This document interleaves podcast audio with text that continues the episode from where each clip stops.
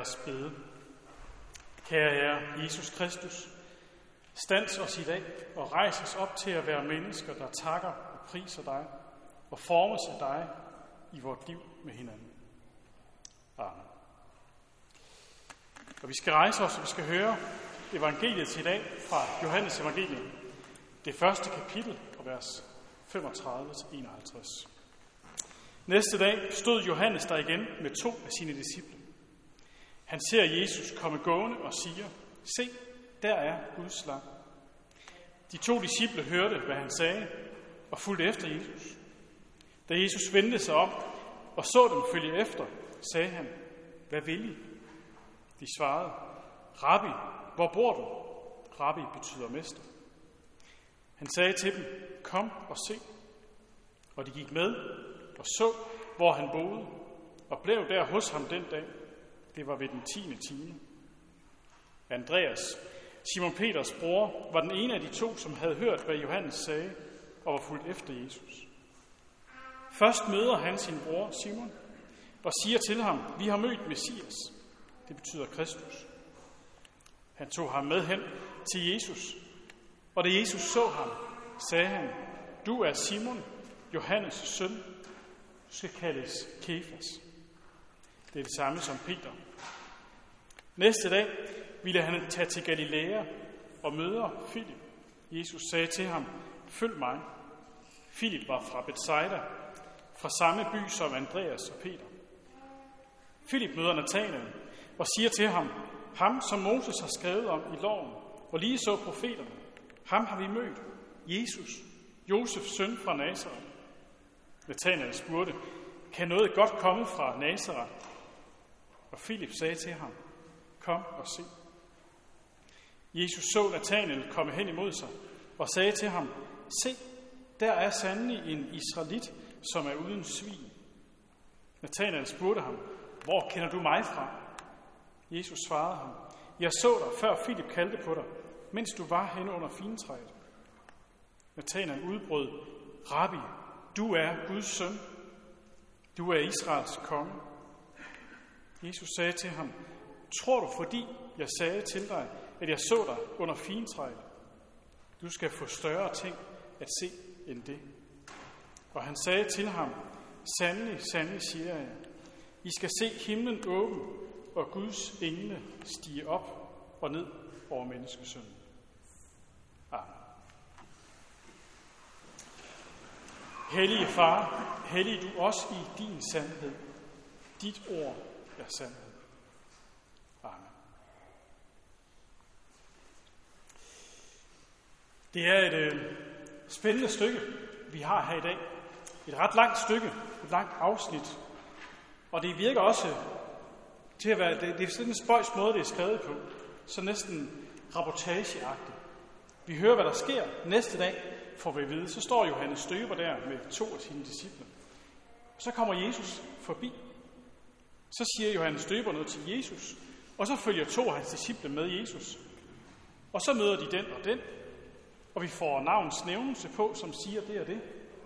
I korte, enkle sætninger, ja, så følger vi sådan, hvad der sker, begivenhedernes gang, uden egentlig, at der sådan lyder til, at der sker ret meget vigtigt på den måde.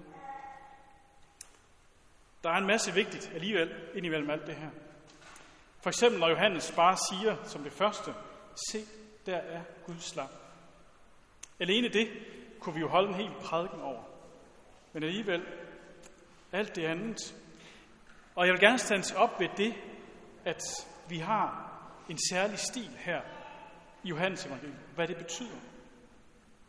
Det, som egentlig virker til at være sådan en opremsning af forskellige ting, så skete det og det, så sagde den det og det, og sådan og sådan. Og der er egentlig mange, som har forsket i det her, og som siger alene det, at det står på den måde, det er med til simpelthen at understrege, at det er et øjenviden, der har skrevet det her. Det er en, der selv har været der, og som har lagt mærke til små detaljer. Og det lugter langt væk af, at det er Johannes selv, som har været der. At han nok er en af de to, som vi møder helt i starten, som får navnet Johannes, som er Johannes. Vi får navnet på den anden, Simon Peter så er der ham her, den anonyme, sandsynligvis Johannes selv. Når vi er øjenvidner, når vi ser noget og er vidner til noget, så fungerer vores hjerne på den måde, at vi husker det. Når vi har været til stede til en begivenhed, noget som virkelig har gjort indtryk på os, ja, så husker vi ofte detaljer, som egentlig ikke har betydning for selve begivenheden. Men bare fordi begivenheden var vigtig, så husker vi små detaljer. Det er som om, at der er dele af scenen, som fryser fast på nethinden, og som man for eksempel kører en film, så er der små ting. For eksempel det her med, at der står, at det var den 10. time, altså kl. 16. Har det egentlig betydning? Men det er små detaljer. Noget, som viser og peger på, at det her det er noget, han selv har set. Han er vidne til det. Ofte, når der sker noget selv skældsættende i vores liv, ja, så kan vi gengive små detaljer ned i mindste grad. Også selvom der måske endda er gået rigtig lang tid efter, at det er sket. Og Johannes, ja, han har ikke bare skrevet Johannes evangeliet her, han har også skrevet tre breve senere hen, og sandsynligvis også åbenbaringen til sidst i Bibelen. Og det første brev, der starter han på den her måde her. Det, som skete fra begyndelsen. Det, som vi har hørt. Det, som vi har set med vores øjne. Det, som vi betragtede, og som vores hænder rørte ved. Livets ord. Det, som vi har set og hørt, forkynder vi også for jer. Og der er mange, der har den forestilling om Jesus og Nye Testamente, og egentlig dermed hele kristendommen, at den bygger på sådan løse rygter, gamle historier, gamle tekster, som vist nok er skrevet længe efter begivenhederne. Og derfor er alt andet, så er det blevet til sådan en slags fortælling om et fjer, der er blevet til fem høns. I det hele taget som nogle gamle tekster. Man skal altså ikke tro for meget på det. Det er jo længe siden. Det sidste argument, hvor man selvfølgelig fejrer fuldstændig af bordet, at teksterne er gamle, det siger ikke noget som helst om deres pålidelighed. Hvis man skulle bruge det som argument over for gamle tekster, så kunne vi ikke regne med noget som helst af alt det, som vi har i historiebøgerne fra gamle dage. Det vi ved for eksempel om romeriet fra omkring Jesu tid, ja det har vi jo fra tekster, der er skrevet deromkring, og præcis er lige så gamle som det nye testamente. Og der er ikke nogen, der betvivler øh, vigtigheden og troværdigheden af dem. Vi bygger hele tiden vores viden på de her gamle tekster. Sådan er det også med nyere forskning, at man allerede i antikken, altså omkring år 0, var meget optaget af, om en beretning var øjenviden pålidelig. Altså, var der nogen, der havde set det her? Var det virkelig nogen, der havde været til stede i det? Der er en amerikansk forsker, der skriver, antikkens mennesker har haft stærke meninger om, hvordan historien skulle skrives. Den må bygges på øjenvidners vidnesbyrd. En god historiker må enten selv være øjenvidne, eller have truffet og interviewet mennesker som øjenvidner. Sådan tænkte en historiker på Romers tid på det her tidspunkt. Og det er præcis den indstilling, man også mærker i hele det nye testamente. Og jeg tænker særligt i Johannes, og særligt i det stykke, vi har i dag. Når Lukas også indleder sit evangelium, så gør han det også med ordene, efter så mange andre har søgt at give en fremstilling af de begivenheder, som har fundet sted blandt os, sådan som det er blevet overleveret os af dem, der fra begyndelsen var øjenvidner og ordets tjenere. Har også jeg besluttet at gennemgå det forfra og nedskrive det, osv. Det vil sige, at det hele er blevet sat sammen, jamen så har det været vigtigt, at det har været nogen, der har set det. Det er vigtigt, at der er nogen, der selv har været der. Nogen, der har været til stede og oplevet det. Men der er et andet problem med det nye testamente, vil nogen sige. At den er farvet sådan af religiøs overbevisning. At det er fuld af overnaturlige hændelser. Det sidste, det kan man dårligt benægte. Der er overnaturlige hændelser. Det drejer sig om en, der gør noget, fordi han er Gud og mand.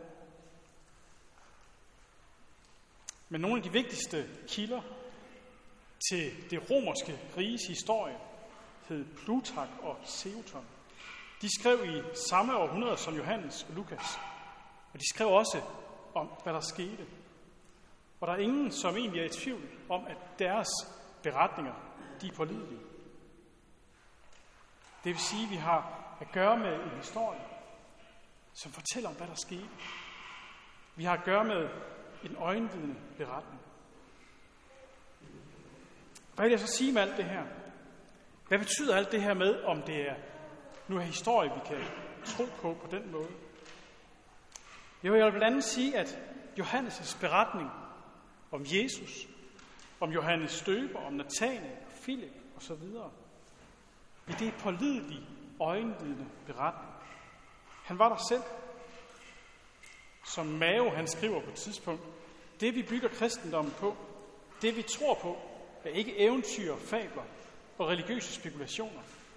Det skete. Det fandt sted i denne verden, på denne jord.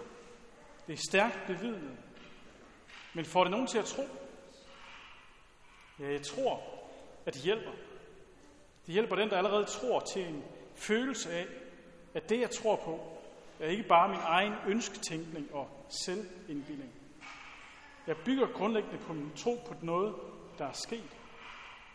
Og det kan hjælpe dig, der endnu ikke tror, fordi du får ryddet nogle misforståelser og fordomme til side. Det er troværdigt. Det er troværdigt, det der står. Det er noget, der er sket her. Det er ikke bare gamle eventyrtekster, som man ikke rigtig kan tro på. Det er noget, vi kan leve af. Det er noget, vi kan tro på. Så kan man så spørge, men får den her viden her så alligevel os til at tro sådan i dybere forstand? Som noget, der griber os dybt og varigt og bliver noget, som forandrer vores liv? Nej, der skal mere til. Og der har vi også mere i dagens tekst. Der er nogle ting, der er vigtige i det, der står. Der bliver sagt, kom og se. Det bliver sagt to gange.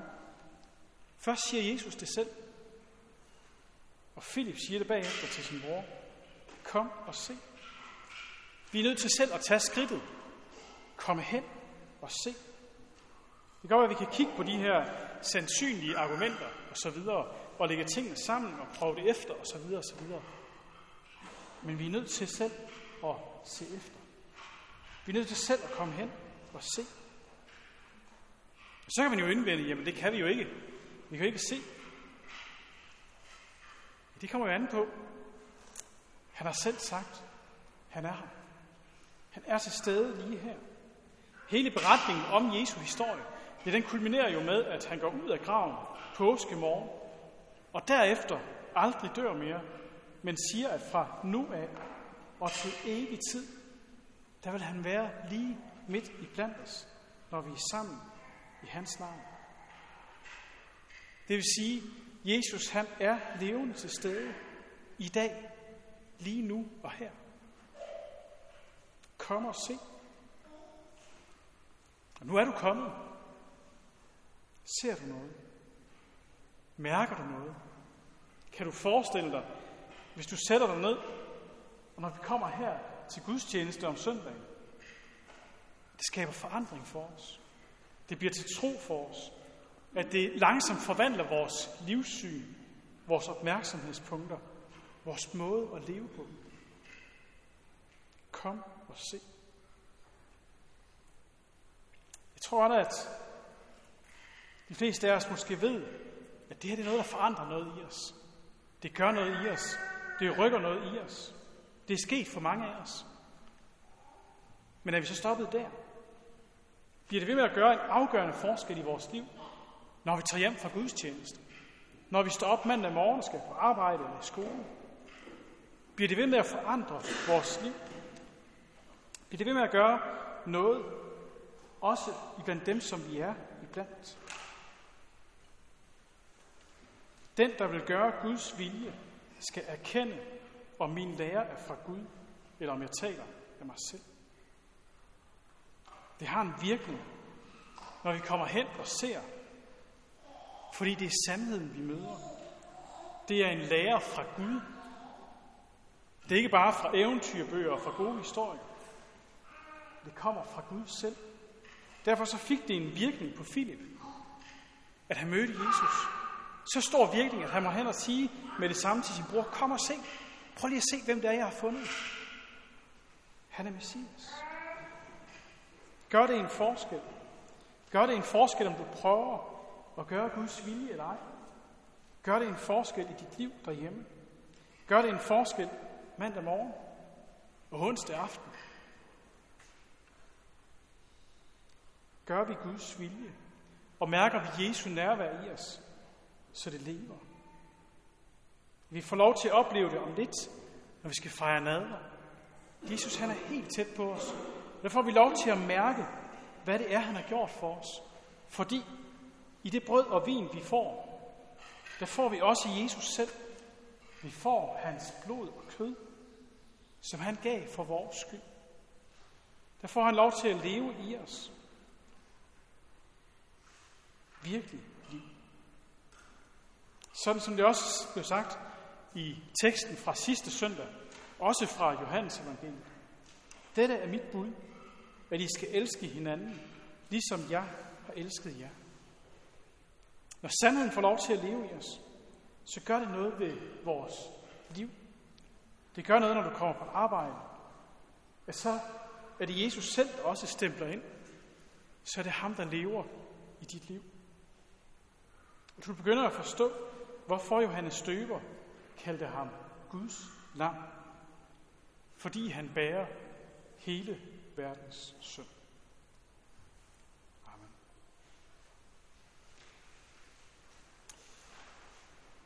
Lov, tak og evig ære være dig, vor Gud, Far, Søn og Helligånd. Du som var, er og bliver en sand treenig Gud. Højlovet fra første begyndelse, nu og ja evighed. Amen. Og så lad os rejse os og med apostlene tilønske hinanden, at vor Herre Jesu Kristi nåde og Guds vor Faders kærlighed og Helligåndens fællesskab må være med os alle.